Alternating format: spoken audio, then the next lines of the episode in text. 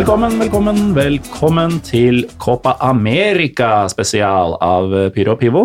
Det 46. Copa America står eh, for døren. Det begynner faktisk nå, fredag 14. juni. eh, Og holdes i Brasil. Den eh, årvåkne lytter kommer til å legge merke til at det ikke poppes noen bokser i dag. I anledning saken så har vi nemlig bytta ut pivoen med en eh, argentinsk Malbec, som eh, dagens paneldeltakere skal få bryne seg på og vurdere etter hvert som, som ting skrider frem. Og disse to er Jonas Giæver. Hei, hei. Hei. Lenge siden sist. Ja, lenge og lenge. Jeg ser deg. Det gagner ofte, Morten. Ja, det er egentlig aldri spesielt lenge. Nei. Um, æreschilener har jeg lyst til å omtale deg som, er det greit? Ja, du må jo gjerne gjøre det, men jeg blir vel sikkert eh, en slags eh, public enemy number one etter eh, at jeg kommer mest sannsynlig til å eh, ja, pisse noe ettertrykkelig på det chilenske landslaget i løpet av denne episoden her, og det har jeg jo egentlig gjort eh, et par anledninger nå. Så jeg vet ikke om jeg er så æreschilener etter det, men jeg er, eh, det er ikke til å komme unna at jeg er supporter av det chilenske landslaget og har vært det i en årrekke. Så det, jeg håper for dems del at de gjør det bra, og jeg synes det er gøy når det er et annet land enn Brasil og Argentina som gjør det bra. og For min del så hadde det vært ekstra gøy, fordi vi har mye chilenere i Norge også, og jeg kjenner mange av dem, at de får noe å juble for. Men det har de jo hatt et par ganger nå, da. Så. Vi har jo ettertrykkelig slått fast flere ganger når du har vært her, at du er eh, av marokkansk eh, ett. Men eh, Ja. hadde jeg skulle gjette, så, så hadde jeg antatt at du var chilener. Ja, det er Jeg er jo spansktalende, og jeg er ikke fransktalende eller er ikke, altså, ikke fransk, ikke arabisk og ikke berbisktalende, som er språkene i, i Marokko. Så hver gang, veldig ofte hvor jeg er på fester, for eksempel, og det kommer fram at jeg snakker spansk, og folk spør hvor er du fra, og så svarer jeg marokkaner, og da tror alle at jeg egentlig har sagt meksikaner. uh, så jeg, har, eh, jeg skjønner litt hvor du skal hen uh, med det at det er veldig mange som tror at jeg er latinamerikaner, men det kan jeg jo da avkrefte veldig klart at det er jeg ikke, men jeg er veldig lidenskapelig opptatt av eh, Latin-Amerika uh, av den grunn, da. Det er du. Og såpass lidenskapelig at du skal jobbe med, jobbe med dette mesterskapet i sommer. Det skal jeg. Uh, vært så heldig og fått lov til å bli spørre om jeg hadde lyst til å være med på de studiosendingene som eh, Via Sport skal ha. Og så skal jeg, som jeg alltid gjør, jeg er aktiv på Twitter og deler tanker og historier og litt sånn forskjellig, så folk får følge med på det jeg driver på med, for der kommer det mye gode snacks. Og en annen eh, som skal være med på studiosendingene til eh, Viasport i forbindelse med Copa America, det er vår splitter nye brasilianske gjest, Leodoria. Leo Doria. Velkommen. Takk. Hvor eh, ille slakta jeg etternavnet ditt nå? Hvordan uttales det var, det var verre med å servere argentinsk vind. Nei. Det var det, med navnet, det, det gikk det veldig bra. Ja, det er kanskje ikke tidenes førsteinntrykk å servere deg fiendtlig eh, alkohol. Men uh, fortell litt. eh, altså Du uh, har jo Twitter-handle uh, Heia Brasil, Yes, ja. eh, så jeg skjønner jo hvem du heier på. Hvordan er følelsen foran, foran årets mesterskap i ditt hjemland? Nei, det blir veldig spennende det her. Så jeg har da holdt på med et prosjekt som heter Heia Brasil. Så jeg er blitt en sånn brasiliansk alibi i Norge. Alltid når det er noe med Brasil å gjøre, ikke bare nødvendigvis eh, fotball, alt fra politikk og, og kultur og så videre, så, så er det noe som får tak i meg, og så plutselig så dukker jeg opp. Så noen kaller meg for brasiliansk eh, eller brasilekspert. Eh, Jeg tror bare at det er en brasilianer som bor i Norge, som kan litt om Brasil og mm, ja, forholdet mellom de to landene. Men eh, det å kunne kommentere Jeg skal være med Johannes og Peter og så den gjengen fra Viasat også. Vi skal eh, jobbe med Copa America. Det blir stort. Det blir stort å se på brasiliansk, eh, land, det brasilianske landslaget prøve å vinne en tittel nå hjemme etter så lang tid. Egentlig i det hele tatt. Det er en stund siden vi har vunnet noe, noe som helst.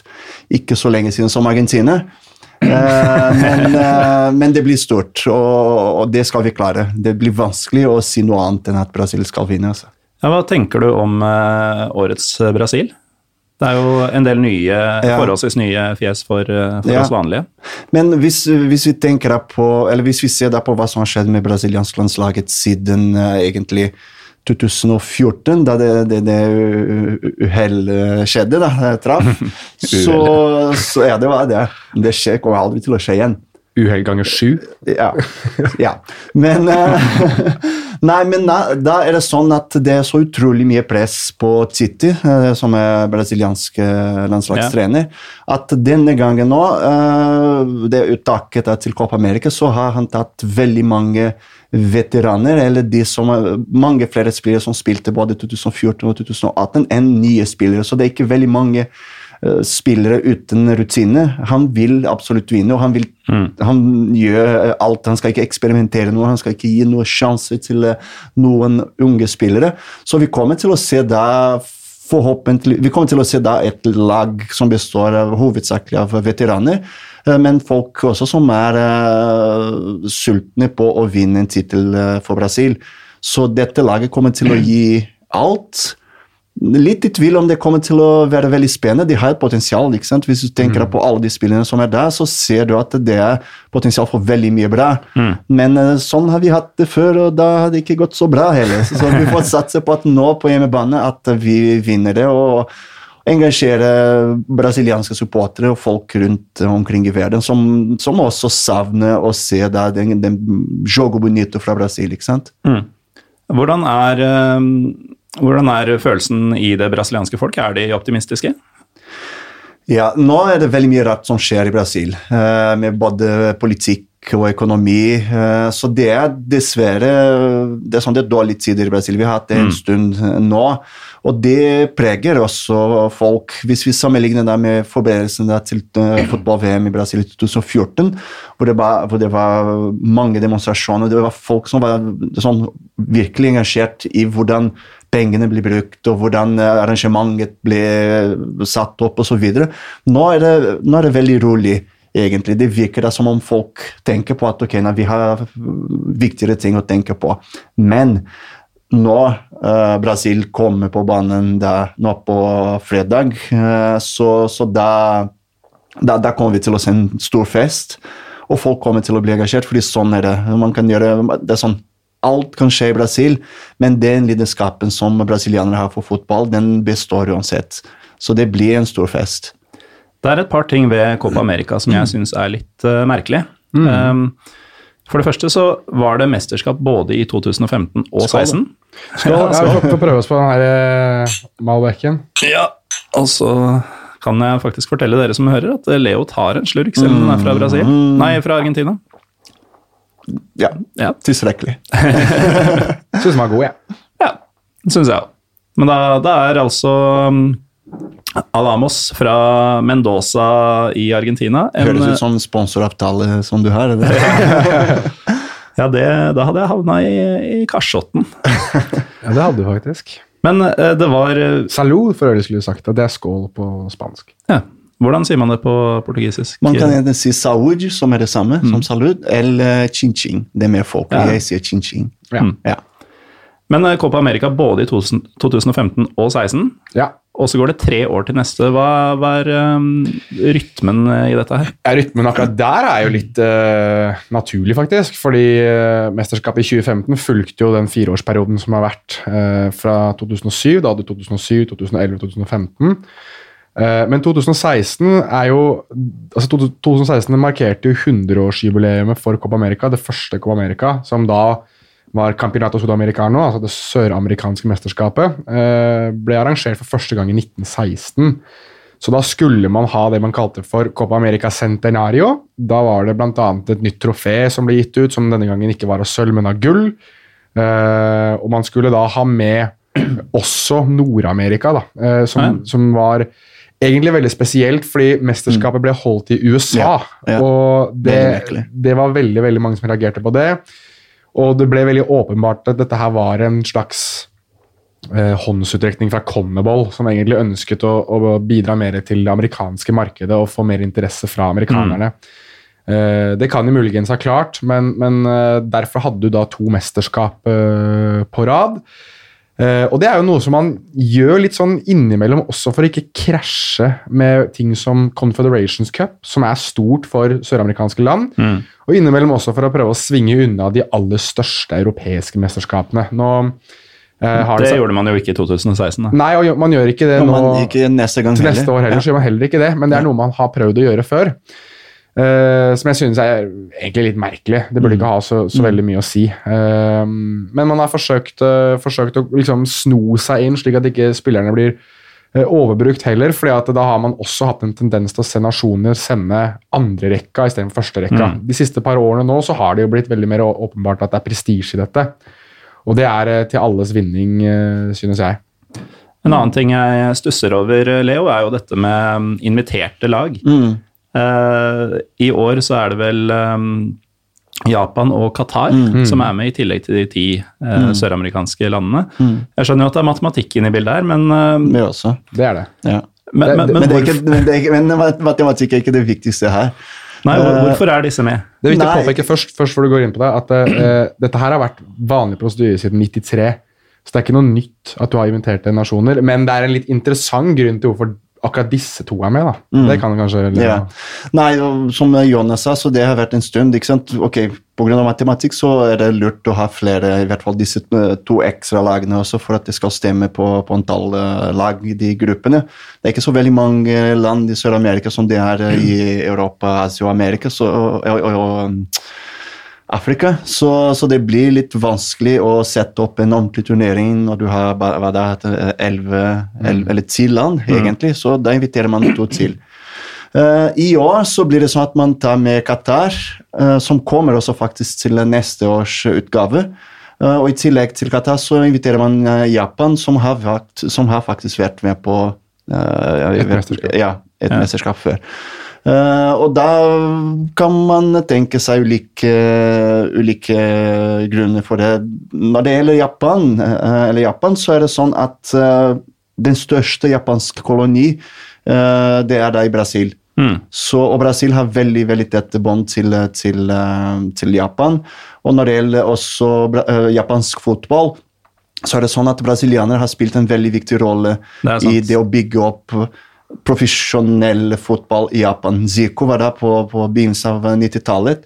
Og, og så, ikke sant, Senere så ble han trener der også, så han har spilt en veldig viktig rolle med å, å, å bygge den moderne profesjonelle uh, fotball i Japan. De har også hatt brasilianere på landslaget sitt i Japan. Ja, det, det har de hatt. Det har de hatt også, og mange brasilianere som, eh, som har vært og som har spilt i toppliga i den J-league i, i Japan. Og så, som sagt, så politiske, politiske bånd også, ikke minst familiebånd også. Det er veldig mange brasilianere som har japanske aner. Så dette, dette kommer til å føre ikke minst at eh, mange brasilianere kommer til å støtte Japan. Når det gjelder Qatar, så der kan vi tenke veldig mye rart. Det, det, det er ikke usannsynlig, det. ikke sant? På en måte så kan man se også på det at Qatar trenger litt rutine. ikke sant? Så de, de blir nok ikke invitert til å spille Euro, eh, Europamesterskap. Så, så er det en ledig plass i Sør-Amerika. Hvor de kanskje kan samtidig drive med litt markedsføring og økonomi og geopolitikk, eh, ikke minst. Så, For så det er det blir veldig mye. det sånn som jeg tenker Ja. når, når man ser Qatar eh, Ja. plutselig spille mesterskap på andre Ja. siden av verden det- rett før de skal arrangere selv. Ikke sant? Fordi det som har skjedd før også, vi har hatt eh, mange ganger så har både Mexico og USA vært med. Og da kan man tenke seg jo at ok, her, er det veldig mye politikk også, men det er ikke så unaturlig at land fra Nord-Amerika skal delta i et søramerikansk mesterskap. Men når man begynner da å ta Qatar f.eks., og så har det vært forsøk som å få med Kina, og da kan du tenke bare ikke sant, hvor mange mennesker som kommer til å følge med hvis Kina skulle spille søramerikansk eller Copa America. ikke sant? Så det, det, det brukes for alt det er verdt. Men eh, ja, du skulle si noe, Jonas? Nei, jeg skulle bare tilføye det at det er verdt å ta med her at Qatar Airways for eksempel, har jo nylig blitt flysponsoren til Conneball og flyr jo eh, Copa Libertadores, altså Sør-Amerikas lag på Champions League, flyr jo lagene rundt omkring i Sør-Amerika. Så det at eh, Qatar har fått tette bånd til Sør-Amerika, det er det ikke noe å- stille spørsmål ved engang. Og eh, det er veldig åpenbart. Og jeg, og jeg synes oppriktig talt i, i den verden vi lever i nå, hvor det er egentlig rett å, å kritisere veldig mye av det Qatar har gjort på, på sportsfronten, så synes jeg akkurat her må de berømmes lite grann.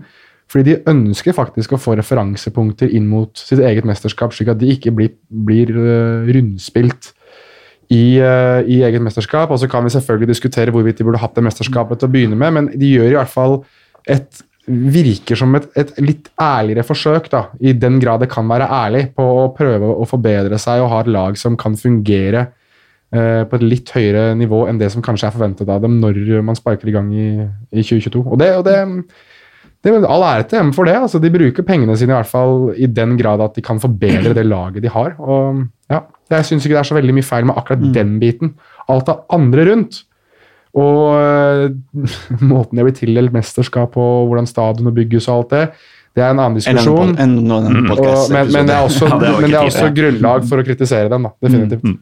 Men eh, du var litt inne på det i stad, Jonas, at eh, det er jo et um, Sør-Amerika er jo et veldig stolt kontinent, Ja. eh, og de bryr seg jo fortsatt om Confederations Cup. eh, VM for klubblag, den gamle interkontinentalfinalen var jo Mm. Ja, ja. Argentinerne gikk jo mann av huset når de skulle møte Brasilianerne også. Også. Ja, ikke sant? Det, det er jo en sånn De er veldig opptatt av hvordan, eh, hvordan de eh, oppleves utad, føler jeg. da. Mm. Og, og det er viktig å være best, selv om i de tilfellene så er det ikke alltid sånn at motstanderen gir alt. Men eh, hvordan ville reaksjonen blitt? Og dette er jo selvfølgelig superhypotetisk fordi det ikke kan skje. Men la oss si at Copa America, mesterskapet om Sør-Amerika, eh, tronen der At finalen skulle gå mellom Japan og Qatar. Ja, helt sikkert. Det var Hva, Eh, hva skjer med kontinentet da? Nei, det, men det, det er sånn, det, det skjer jo ikke. og En av grunnene til at eh, disse blir invitert, er fordi det er veldig usannsynlig at de skal komme langt nok. Ja. Japan har alltid vært en sånn eh, lekkelag, eh, hvis man, det er sånn fra brasilianske øyne også. Det, det er et lag som er lett å møte. Selv om sant, vi kan tenke på hva som skjedde da, da Japan møtte Belgia i fjor eh, i, uh, i Russland. Så det kunne ha gått galt for belgierne, men i Sør-Amerika så det kom ikke til å skje. og det hadde Nei, herregud, for et spørsmål! Nei, men altså, det er jo, når, når de er med i mesterskapet, så altså, Hellas har vunnet et EM. Ja, det, det er jo uh, Altså, det har jo skjedd at nasjoner har gått hele Altså invitasjonsnasjoner har gått hele veien til finalen. Mm. Mexico har jo spilt finale, blant annet. Uh, det var vel i 2001 da de tap- tapte mot Colombia.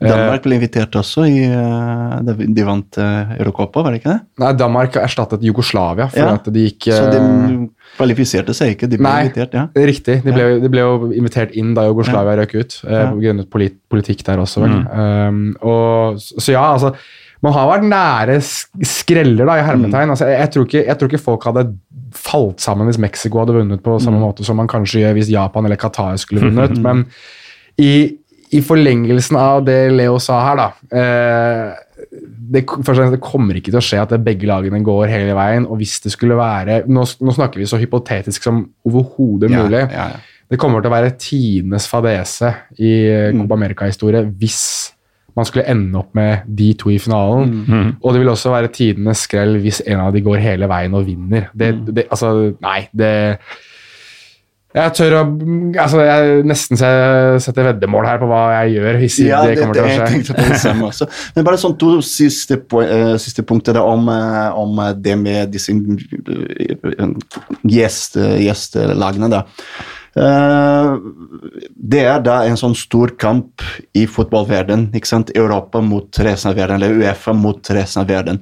Og for Comeball så er det også veldig lurt å samle seg der Ja. både afrikanske, afrikanske forbundet og asiatiske forbundet. Så der, der er det også en, eh, en sak.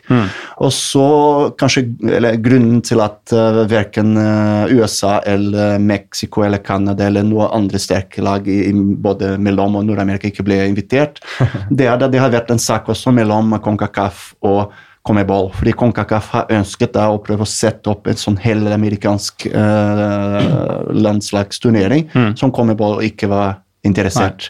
Så forholdet mellom CONCACAF og Comebol det er ikke optimalt nå.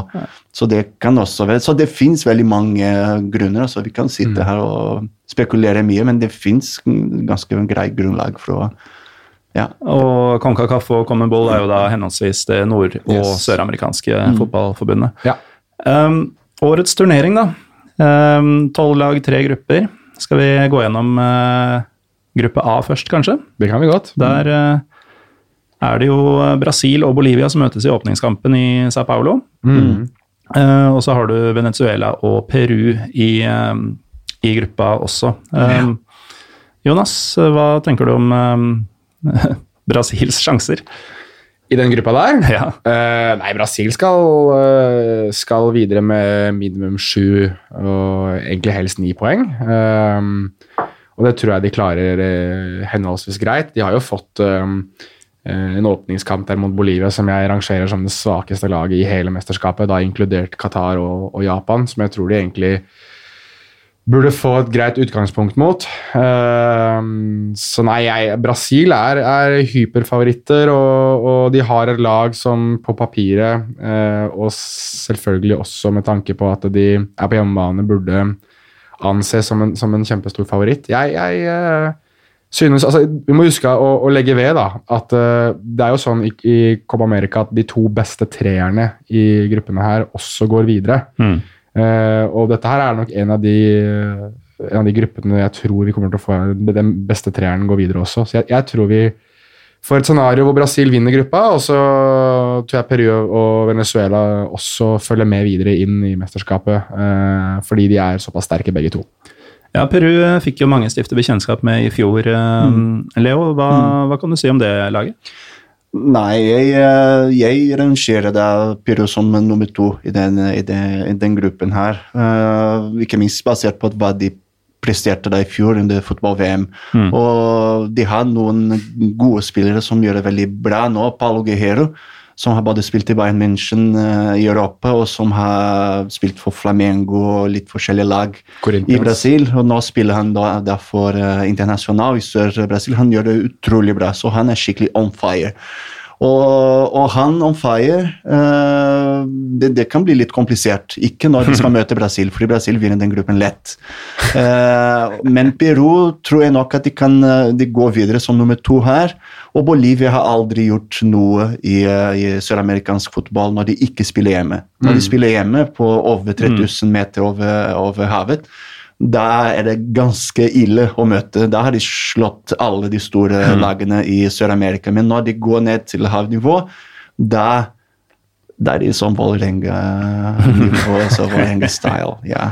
Er, Bolivia har jo vunnet Copa America, og det gjorde de på hjemmebane. Og de har spilt mm. to finaler, og begge disse finalene har blitt spilt på hjemmebane. Mm. Så det er ganske interessant, den der rekorden eh, de har eh, sånn sett. Og så må jeg, må jeg skyte inn at eh, for Perus del så har de jo også fortsatt Gareca som trener. Og eh, han har vel sittet siden jeg husker ikke helt 2013 eller noe sånt. Mm. Og da begynner vi å snakke epoke i søramerikansk fotball. Det er ikke mange som sitter så lenge, egentlig. Um, det er jo han og Oscar Washington Tavares, som vi skal inn på etterpå, Uruguay-treneren, som på en måte er de to siste mohikanerne da, hva angår mm. det å sitte rimelig lenge som, som landslagstrenere. Så de har jo erfaring. altså Jefferson Farfan er fortsatt med. Ja. Pedro mm. Gajez i mål er, uh, har et par uh, vanvittige gode redninger i seg. og Yoshimai Yotun har vi husket fra Malmö, annet, og Christian Cueva Yotun spilte da for Vasco da Gama, som er mitt lag i, i Brasil. Du er Vasco-fan? Ja, Vasco-fan. Han gjorde ingenting. ingenting. Men han er, veldig, han er, veldig, viktig for det mm. peruanske landslaget. Ja. Så, så, de har eh, Jeg synes det er noe Og så har de verdens raskeste spiller. Luis Advincola han er jo blitt klokket inn som den raskeste spilleren i verden. Han er faktisk verdens raskeste. Ja, han, Det er han som har blitt målt mm. i høyest toppfart, i hvert fall. Så jeg vet ikke om han Han har hatt en veldig han opp- og ned-sesong i Raja Vallecano, så jeg vet ikke helt om De har jo rykket ned fra La Liga, så jeg vet ikke helt om det om det hjelper, om det hjelper, om det hjelper så veldig at han løper så fort, men uh, det, han, han, har i hvert fall vist til europeisk referanse. da. Kan satse på det, i hvert fall. Ja, ja. riktig. Men uh, nå sitter jo dere med en helt annen kunnskap enn uh, en meg, men jeg også har jo tenkt at Brasil og Peru stikker seg veldig ut i, mm. i den gruppa her. Men mm. det er også fordi jeg ikke kjenner så godt til Venezuela og Bolivia. da. Ja. Jeg husker imidlertid at uh, da jeg Altså, den sommeren jeg ble interessert i fotball, VM 94, så var Bolivia med. Mm. Og følgelig så er det jo noe i meg som tror at Bolivia er en ganske bra søramerikansk nasjon. Men det er som du sier, mm. Leo, de de har jo ikke gjort noen ting. Nei, eh, nei. ikke på klubbnivå heller. Men det er, sånn, det, det, er tøff, det er, et tøft lag å møte når de mm. spiller hjemme. Mm. Alle store klubblagene i Sør-Amerika, når de møter det bolivianske lag som spiller i den eh, høye mm. I La Paz, i, i La Paz så, så, får de store problemer. Mm. Og det er helt sykt. Jeg har ikke vært der, men jeg har bare sett på disse kampene. Altså, laget mitt hadde eh, så, ikke sant, Vasco da Gama, da vi spilte Libertadores for to år siden, så, så kom de, så vant vi 5-0 hjemme.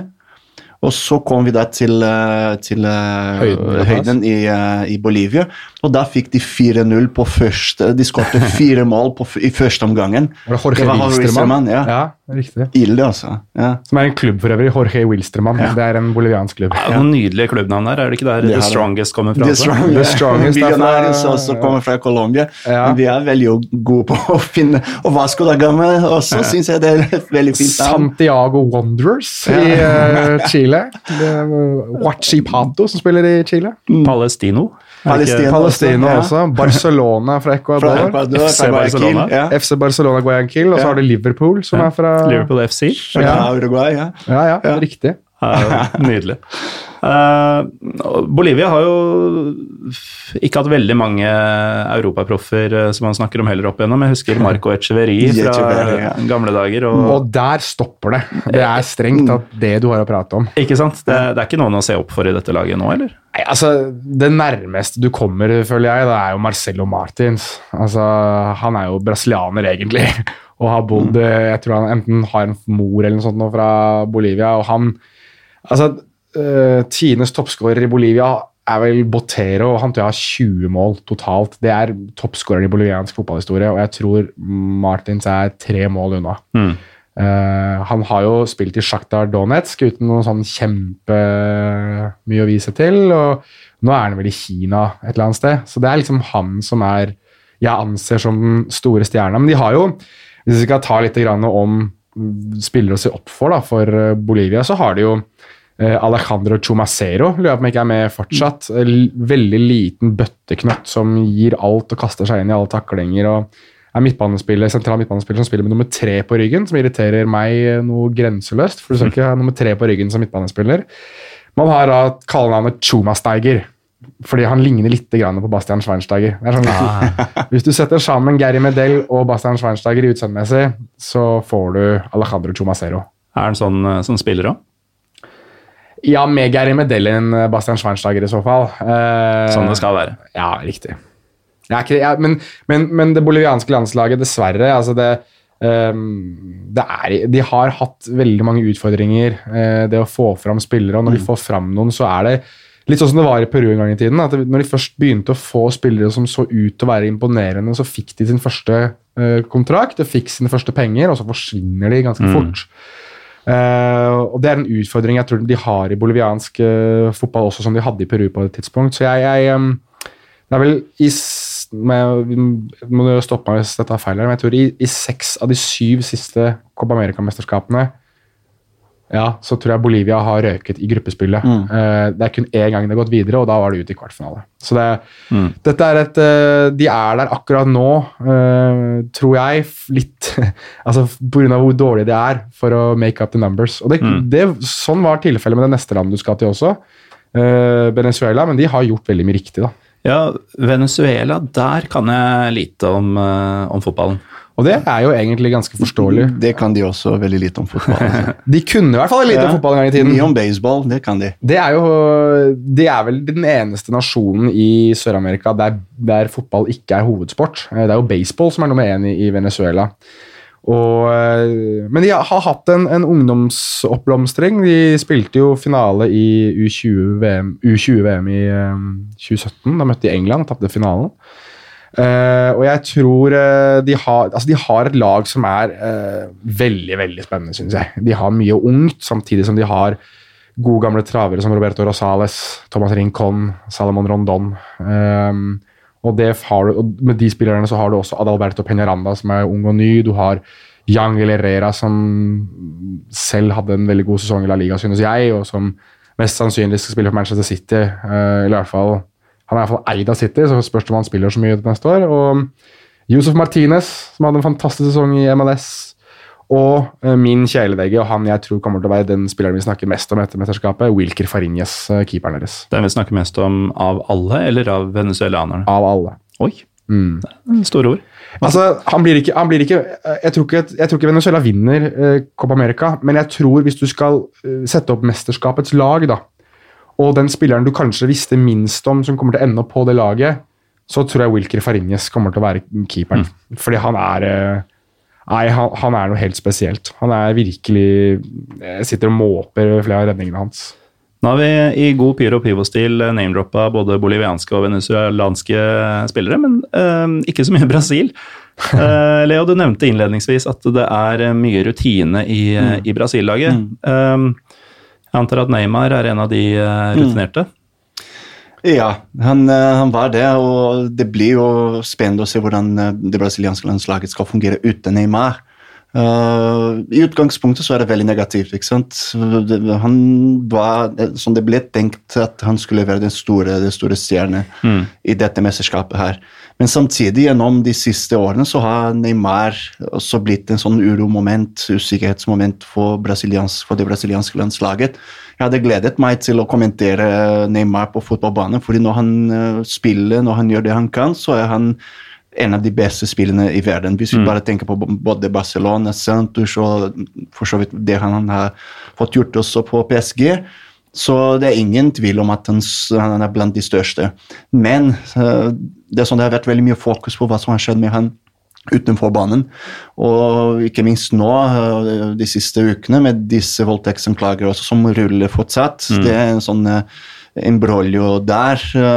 ingen som vet helt sikkert hva som har skjedd, og mange mm. spekulasjoner osv. Så, videre. Så det at Neymar ikke skal være med ikke sant? Ok, Vi mister da en av verdens beste fotballspillere, men samtidig så er det sånn at dette her det er Brasil, det er et brasiliansk landslag som har da Coutinho, har Gabriel Jesus, har Dani Alves, har Alexandro Utrolig mange gode spillere eh, på, på, som spiller på høyt nivå. David Neres også har blitt tatt mm. ut eh, denne gang, og så kom William også for å erstatte Neymar. Så vi har da mange gode spillere som gjør det utrolig bra på sine klubblag i, eh, i Europa. Så nå har de faktisk mulighet til å, til å være med på et lag som må bare spille som et lag, og ikke i forhold til én superstjerne som var Neymar, som det har vært de siste årene. Ikke sant?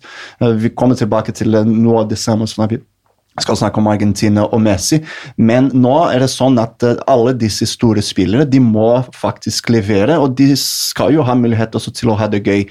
Eh, så det blir da Jeg tror at til slutt så tror jeg nok at det blir positivt at Neymar ikke er med denne gangen. Jeg tror faktisk at vi stiller sterkere uten Neymar.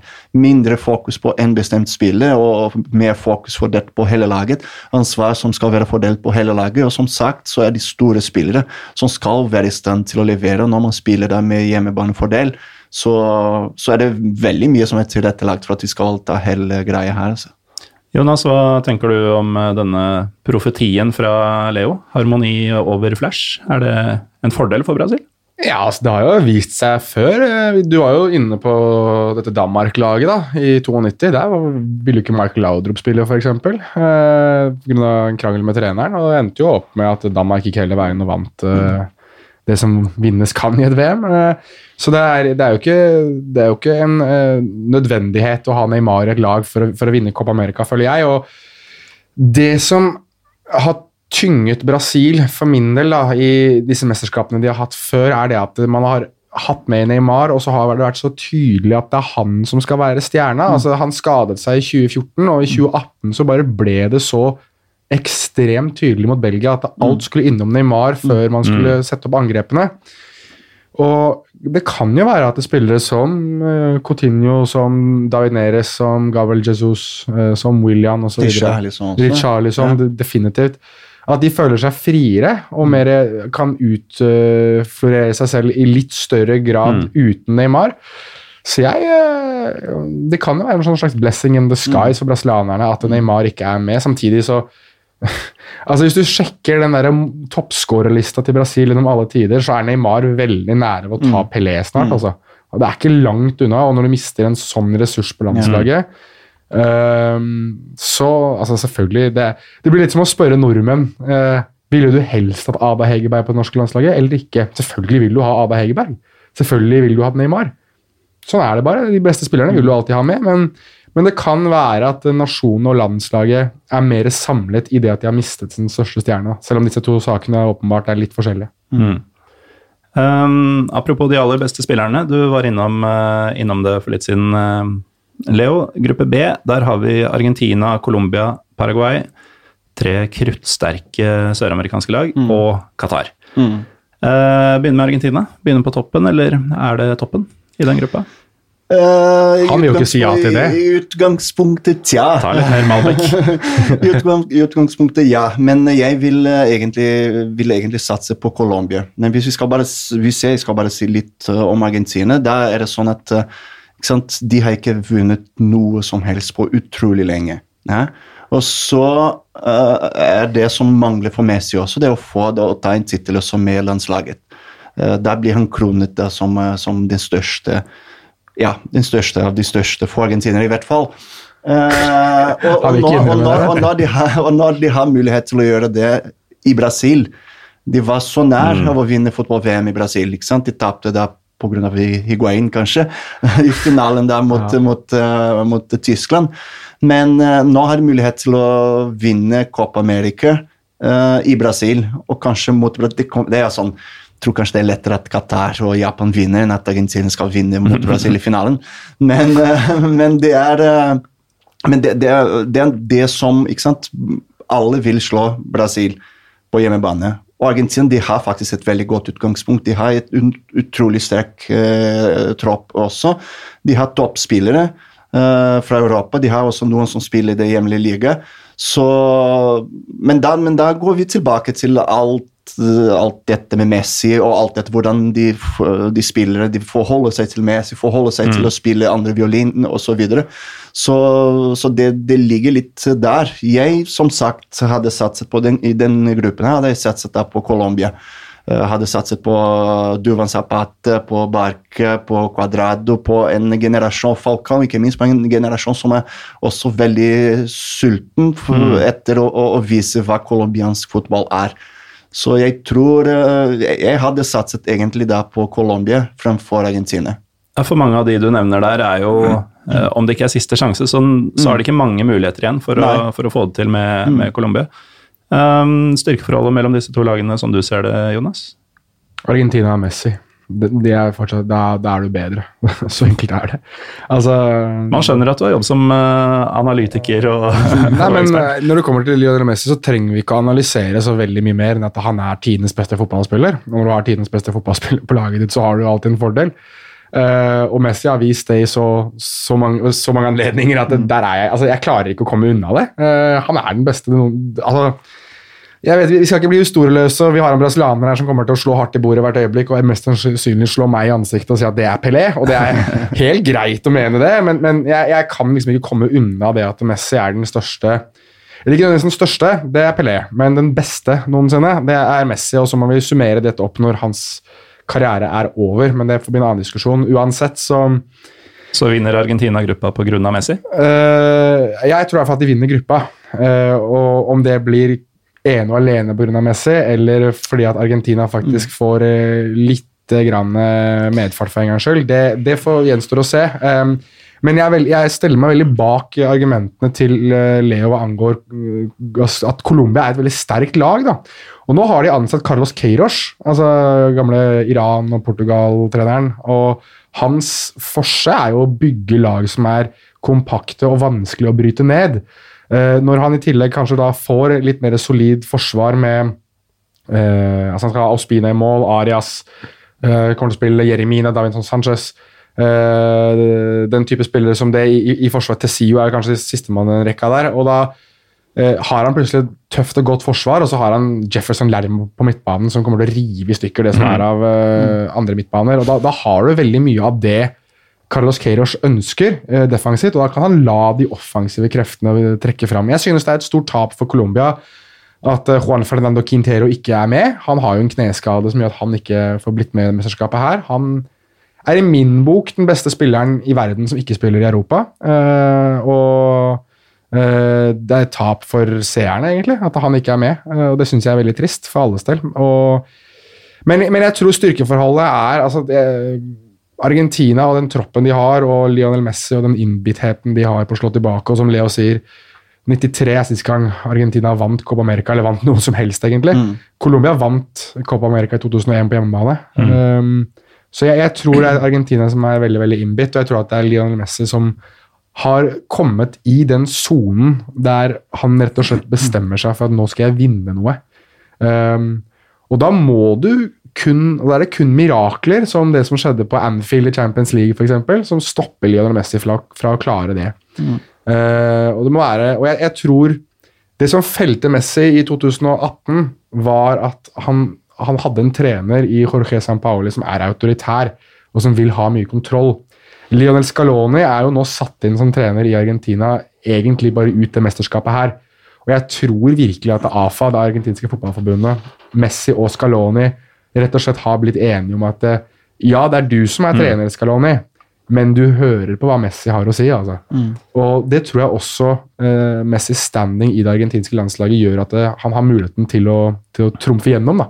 Så Scaloni er det fotballuka ville omtalt som en balleknaer.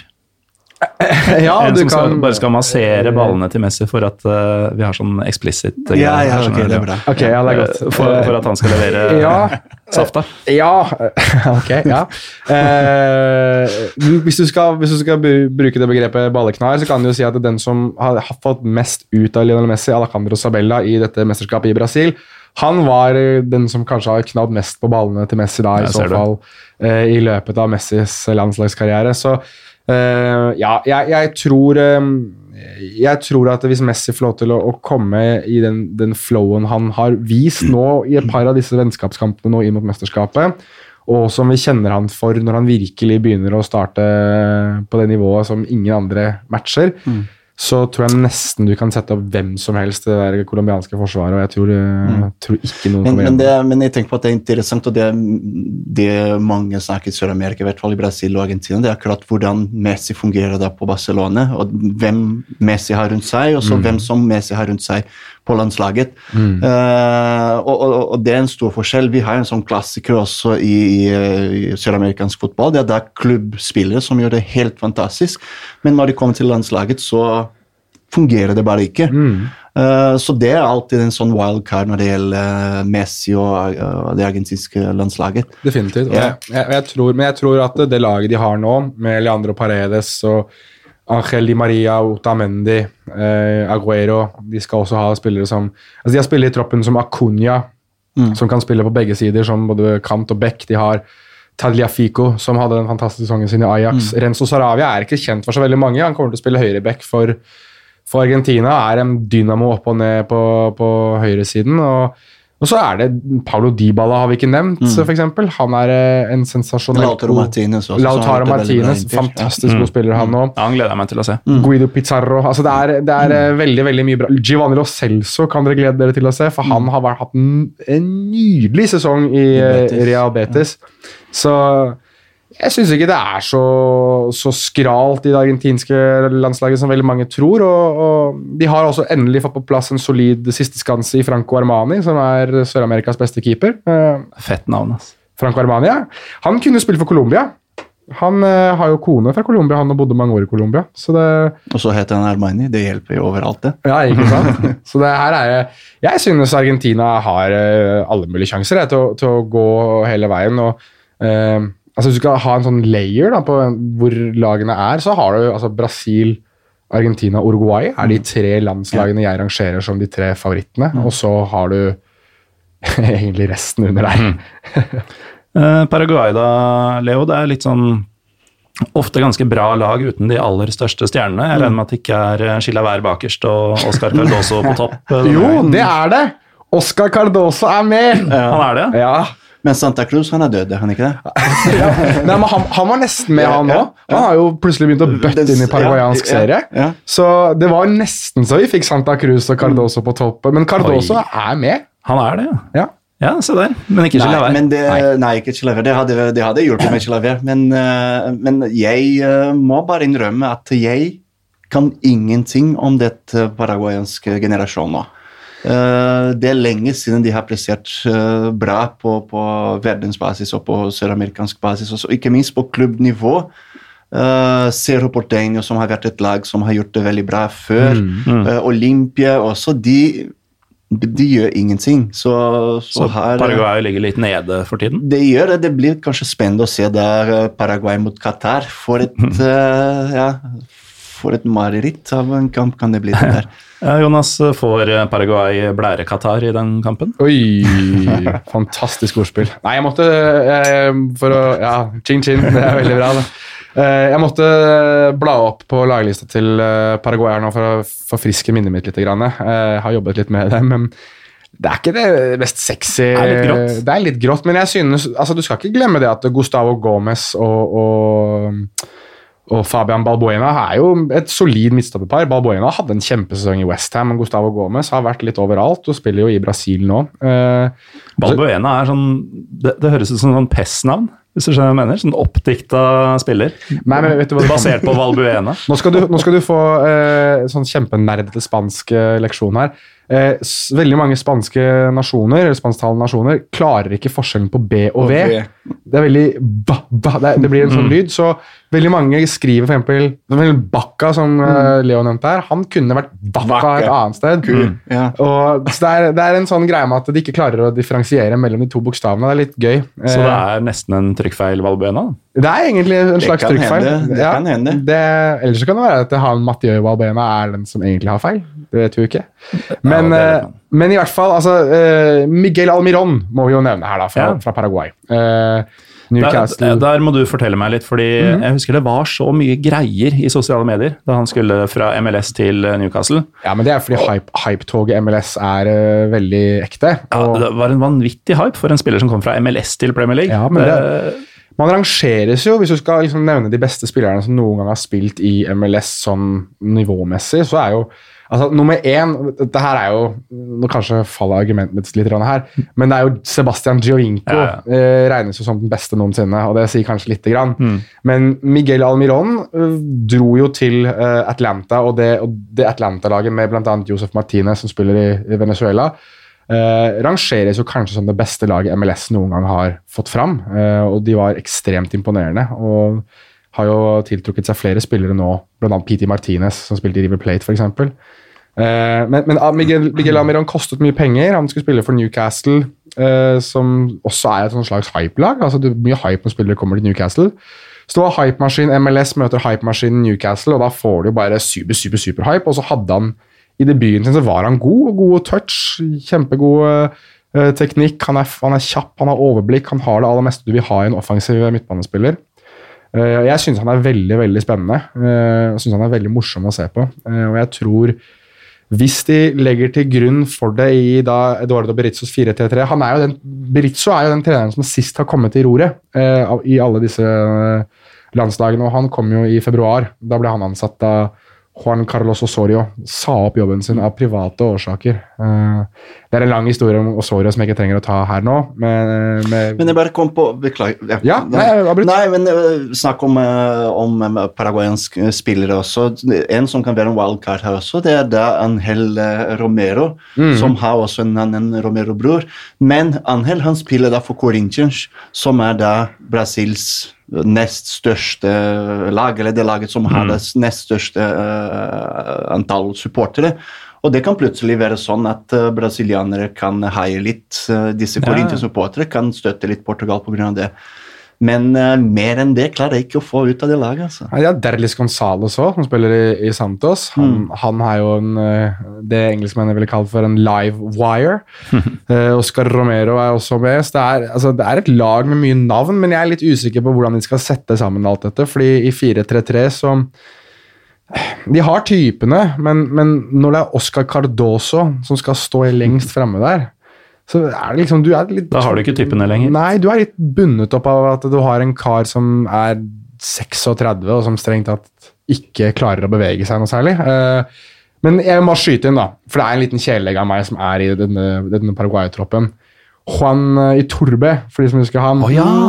Han er jo i denne troppen her, og Juan Iturbe har jo eh, en ekstremt morsom historie. Det her må jeg fortelle veldig fort. da. Jeg skal gjøre den veldig kjapp.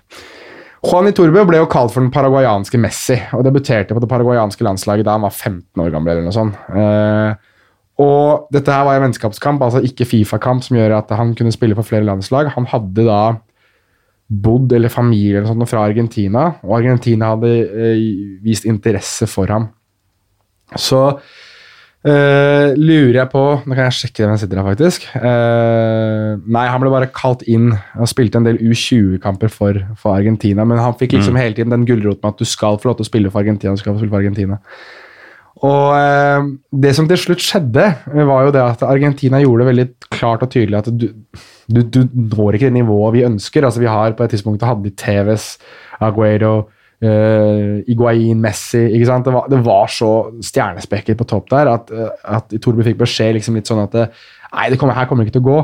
Så det endte med Historien forteller i hvert fall at uh, Itorbe selv ringte det paraguayanske fotballforbundet og spurte kan jeg være så snill å få komme tilbake igjen. Mm. Og så fikk han lov til å komme tilbake og spille for Paraguay istedenfor. Det var hyggelig, da. Det var koselig. Eh, ikke så hyggelig, syns mange, er jo at eh, Qatar er med. Og Nei. eh, Leo, du tenker at de kan utfordre om tredjeplassen i gruppa? Um, Men, men det er bare, bare fordi Paraguay gjør det veldig dårlig for tiden. Altså. Så, så hvis Qatar skal uh, ha det litt gøy i det mesterskapet, her, så må de prøve seg mot Paraguay. fordi mot uh, Argentina og mot uh, Colombia det kommer nok ikke til å gå. De hadde faktisk ikke sant, i den eh, De spilte en vennskapskamp mot Brasil nå for kanskje en uke siden. Hvordan litt over det. seg. Det var, ja. Og det ble bare 2-0 uh, for Brasil. mm. Så, men ikke sant, vennskapskamp. Uh, så det er ingen som skal uh, tørre mer der. Men når de kommer der til mesterskap Og de er jo her for å prøve seg også, for å få litt rutine. Så, Mm. så, så de kommer til å ta dette her på blodig alvor.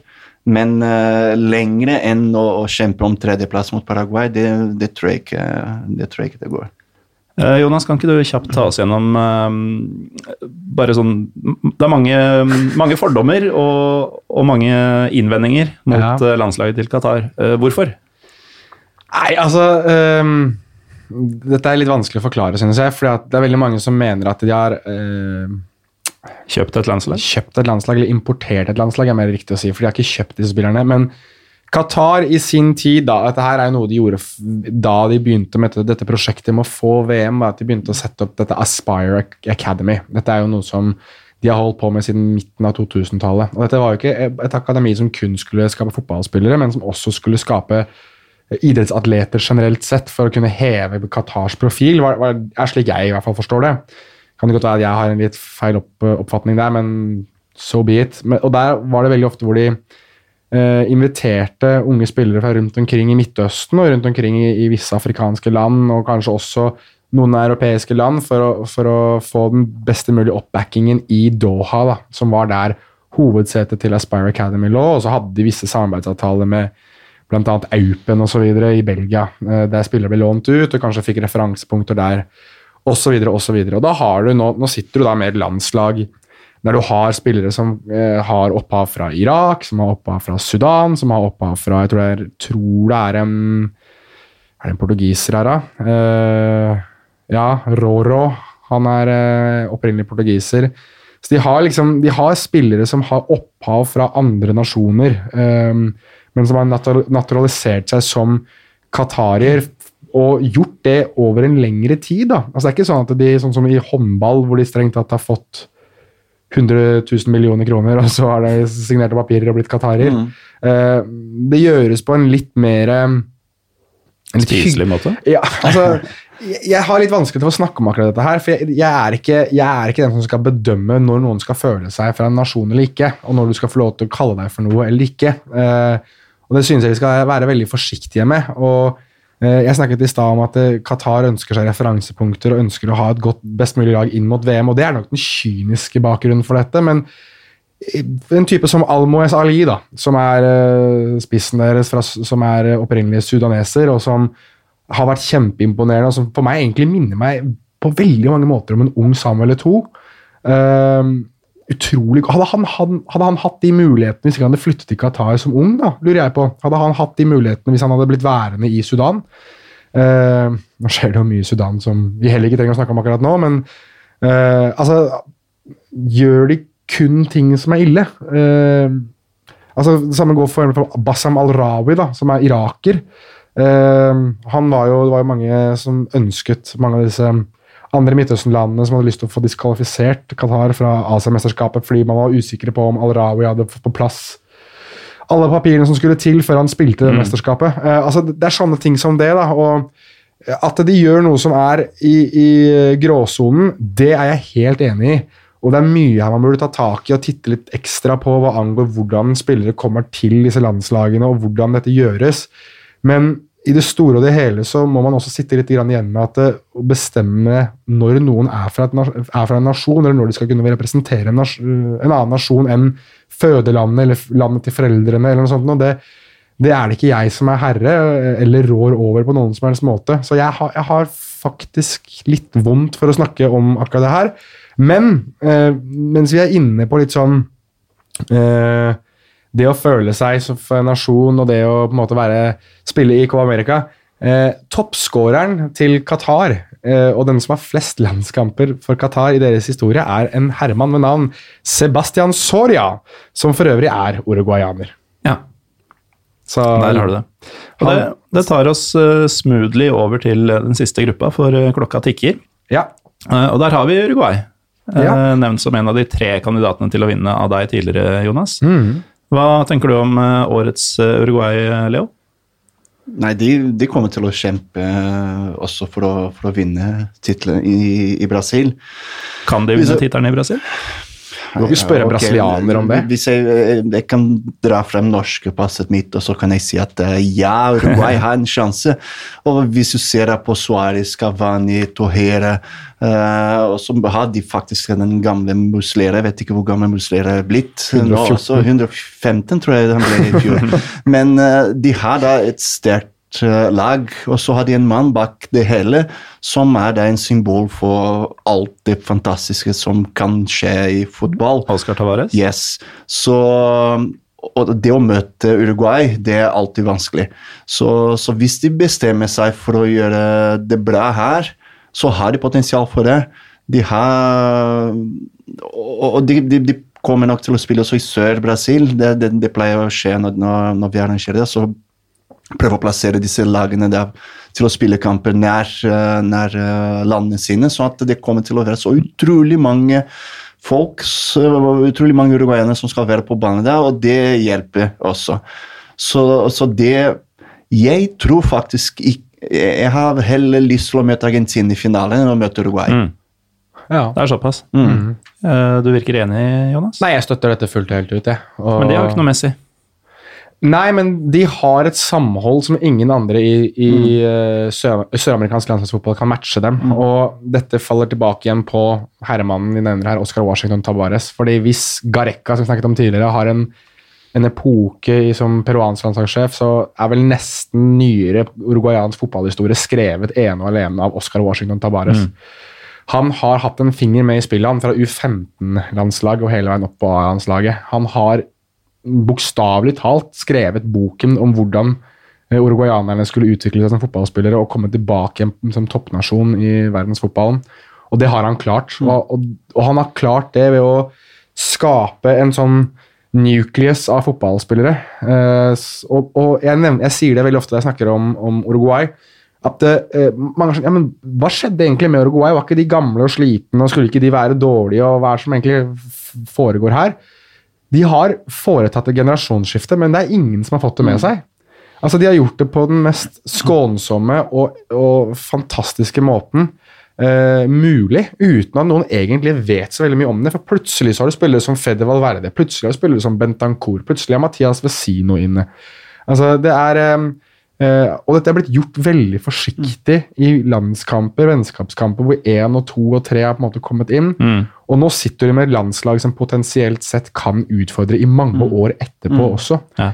Uh, Laxalt, Torreira og Laxalt, Torreira, ja. altså det, det, er eh, Maxi Gomez det er, De er veldig, veldig det, dette, er, dette, er, Oscar Washington Tabares i sitt ess, altså det å få ting til å sitte. Men, men greit, da, han visste nøyaktig hvordan han kunne få det beste ut av alle disse spillerne her. For han har kjent dem siden de var altså 15-åringer, 14-15-åringer. Det, det er, da var Tavares allerede 217 ja. år. Ja, nå... Han gikk på krykker da også. Men det er også verdt å påpeke for de som skal se dette mesterskapet. Det ser du jo på Viaplay og, og Viasport. og uh, han kommer du til å legge merke til, for han står i teknisk sone med krykke. Han har jo en nervesykdom som gjør at han ikke kan stå oppreist uten hjelp. Han, eh, og han er like gira altså, med den krykka si eh, som han var uten krykke. Så det er eh, en, en pioner i søramerikansk fotball, og han kommer nok ikke til å sitte så veldig mange mesterskap til, men, men altså, han er Egil Drillo Olsen for eh, Uruguay, opphøyd mest sannsynlig i 14, altså. Fordi han er eh, Nei, eh, hatten av for Oscar Washington Tabares. Og det hadde vært veldig gøy nå er ikke Leo enig, men det hadde vært veldig gøy hvis han kunne kronet den epoken sin med å faktisk vinne noe med det Uruguay-laget. Det hadde vært gøy, syns jeg. For historien Tavares ja, det kommer, det vært kommer nok ikke til å skje, men det er helt utrolig ikke sant, hvor mange talenter de produserer. i Et så lite land. Det ikke, I Sør-Amerika vi snakker ikke om det egentlig, vi snakker bare at det er utrolig tøft å spille mot uh, uruguayanske lag. Peñarol på klubbnivå, for eksempel. Det er utrolig tøft å spille der, så de, de kommer nok til å gjøre motstand, mm. en motstand her. Men uh, ja, men, men at de skal ja, Vi får se da, hvem de skal, eh, om de utfordrer Brasil egentlig i, finalen. Ja. De, kan, de kan gjøre det veldig bra. Mm. Mm. Um, klokka jobber litt mot oss, så vi må nesten avspise Ecuador og Japan med bare noen få linjer. Um, Ecuador, eh, Leo? Er det noe Nei, du Nei. snurper litt på Ja, Det er, det, er, det er litt sånn Paraguay-aktig at det er, det, er, det er grått. Veldig kjapt om, om, eh, om Ecuador. Dette her har de sagt selv. altså Hernandario Gomez, treneren deres, han kalles Bolio, Bolio Gomez, han har sagt uh, enkelt og greit at uh, det mesterskapet her, det kommer litt for fort for oss. altså. Vi er ikke helt forberedt på det her, og vi, vi driter egentlig litt i hvordan det går. altså Vårt mål er å komme oss til VM. Eh, Ecuadorianere vil komme til, til VM. og Det er litt rart, fordi Ecuador og Venezuela er de to eneste landene som ikke har vunnet Copa America. Så man skulle tro at de var innbitte på å vinne, spesielt når det er typer som Antonio Valencia som begynner å bli ganske gamle. Eh, men eh, de har fokusert eh, veldig på, på det å vinne, eller det å gå til, gå til VM, så jeg tror de lar eh, dette mesterskapet her gå litt bort i stillhet. For Japans del så er det igjen tilbake til dette, dette med referansepunkter, og de prøver en del nye unge spillere, bl.a. Takefusa Kobo, for eksempel, som er en veldig veldig spennende ung gutt som bl.a. har vært i Barcelona, og som igjen da har blitt sammenlignet med, som alle som er, har lavt tyngdepunkt og gode vendinger, eh, med Lionel Messi. Eh, så han blir spennende å se og blir et gøy bekjentskap, men jeg tror eh, tror fort at denne gruppa her er den gruppa der du, du får to landslag som går videre, og tre og fire forsvinner ut. Ja. Jeg likte jo veldig godt Japan-laget i, i VM i fjor, men eh, jeg, jeg syns fortsatt det er ganske absurd å se dem i det selskapet her Ja. i, i Sør-Amerika. Men eh, Jonas, du snakka noe om innledningsvis at du skulle rive chili i fillebiter. Nå har du muligheten før vi gir oss.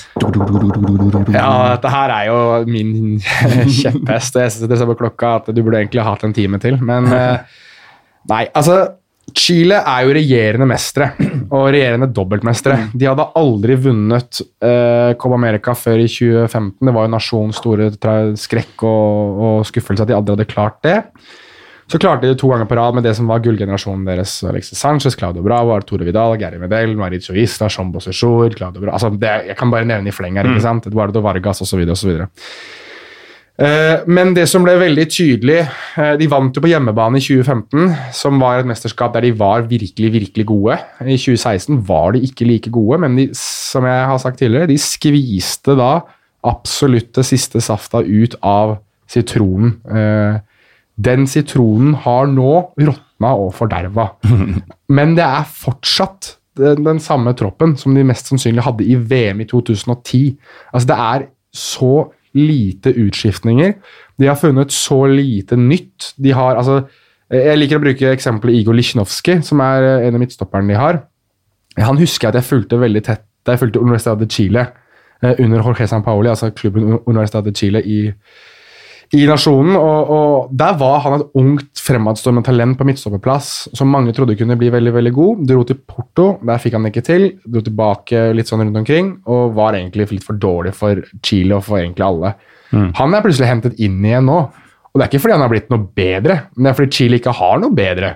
Altså, De har Guillermo Maripan i forsvar, men hvem skal han spille ved siden av. Liksom, du, du vet veldig veldig lite om hva dette Chile-laget egentlig er. Det eneste du vet, er at det er en gjeng med gamlinger som strengt tatt burde isa ned knærne sine og sett mesterskapet fra sofaplass. Det her er eh, så begredelig, så kjedelig, så energiløst og så tafatt at jeg frykter for hvordan det landslaget her kommer til å takle det mesterskapet her hvis det går ordentlig ordentlig dårlig. Og de er griseheldige som får lov til å spille i samme gruppe. og Jeg lurer på hvem som fant på dette her. At de skulle få til å spille sammen med Ecuador og Japan, en nasjon som driter i mesterskapet, og en annen nasjon som rett og slett ikke egentlig burde ha vært der sånn hva angår eh, kontinentsbasert. Eh, og Japan har kanskje ikke den troppen som de eh, kanskje, Jeg vet ikke om de har sin beste tropp sånn egentlig heller. Uansett så er Chile eh, litt heldig i det at de kun kommer til å få grisehjuling av Uruguay. Kanskje de klarer å, å karre seg videre, og da får de grisehjuling i kvartfinalen. Dette kommer ikke til å være et uh, gøy mesterskap. De, de har vanæret uh, sine egne prestasjoner først og ikke kvalifisere seg til VM. Og nå ved å vakle seg inn i dette mesterskapet her De har ikke sett gode ut i noen av treningskampene de har spilt. Det er ingen Jeg, sier det igjen. Det er ingen nye, unge, spennende spillere. Angelo Sagal er den nærmeste du kommer som er godt over 25 og spiller i Mexico. Det er det nærmeste jeg kommer en kar som jeg tenker at ah, han kan være spennende. Det er U17-generasjonen som alle prater om, men de er jo da strengt tatt 17 år gamle og under hele bunten, så de kan du ikke hente inn. Men det er veldig veldig lite å være positiv eh, for når det kommer til chilensk landslagsfotball. Renaldo Rueda er en dritkjedelig trener. Han har sagt at dette her kommer til å være vondt, en lang og vond prosess for Chile med det å legge ned uh, det som var gullgenerasjonen, og prøve å fostre opp noe nytt. Det er ingenting nytt, nytt å fostre opp.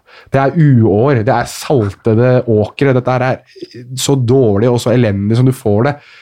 Så Renaldo Rueda sier jo selv også det at han blir jo bedt om å gå hver gang landet gjør det dårlig, og det er hver, hver eneste kamp, egentlig. uh, så, så, han har jo ingen forutsetninger for å gjøre det noe veldig veldig godt med det landslaget her heller. Så uh, jeg er veldig glad i, i det chilenske landslaget, jeg er veldig glad i chilensk klubb og landslagsfotball, men jeg frykter for fremtiden deres, og jeg tror Uh, før Marcelo Bielsa i 2010 så var Chile egentlig en sånn slags Ikke en kasteball, men, men de var uh, Middelhavsfarer. Middelhavsfarer, veldig riktig. Eh, de hadde ikke spilt VM siden 1998, før de kom i 2010. De var en middelhavsfarer som underpresterte, og som hadde Marcelo Salas som toppspiss til han var nesten 42 eller noe sånt. Og eh, jeg tror vi fort eh, Nå har de jo tatt med seg Alexis Sanchez, som har dårlige ankler, og som mm. strengt tatt hadde, har hatt tidenes verste sesong på Old Trafford. Så det er Er det noe positivt å si om Chile, Leo? Dette bare, bare, at eh, de kommer til å gjøre det veldig lett for alle andre. Det syns jeg er positivt. Så vi er enige om at Chile er eh, ja, ikke er, det ja. vi kjenner som det Chile? Det kan faktisk hende, vi, vi, får se det, men det kan faktisk hende at Japan kan kanskje overraske og så banke Chile også. Jeg vil ikke bli overraska hvis ja. Chile ryker ut i gruppespillet, altså. men, mm. men, jeg tror er, Siden gruppa ser så svak ut ellers. Ja, de, mm. det, dette er nok, Jeg ville bli veldig overrasket hvis dette ikke er gruppa der tre og fire ryker ut. Fordi styrkeforholdet er ikke veldig sterkt der. Mm. Eh, og Det er litt trist at det for en gruppe som Argentina, Qatar, Colombia, Paraguay, der må én ryke ut. For jeg syns heller at det burde da ha vært én som går videre fra den gruppa til Chile, og så kunne alle sammen gått videre fra gruppa der. Eh, altså det, nei. Eh, jeg tror, jeg tror, i hvert fall at uh, hvis Chile kommer seg videre, og forutsetningene er bedre enn man skulle tro med tanke på de to andre lagene, altså Japan og, og Ecuador, så er det uh, takk og farvel i, i kvartfinalen, og så um, må man strengt tatt begynne å gå i kjerka og håpe at et eller annet kan skje. Med ett ord, Jonas, jeg vet mm. ikke om du er kapabel til den slags, men hvem vinner Copa America? Mens du tenker, Leo? Brasil vinner. Ja. ja. Uh, Uruguay. Ja vel. Da sier jeg Bolivia. og den som lever, eh, får se. Eh, mesterskapet ser man på Viasport-plattformen. Alle kamper på Viaplay eh, og studio på en del av kampene. Ja, har jeg forstått det riktig? Du skal faktisk Jeg har satt opp planen her. Jeg, jeg fant ja. fram den.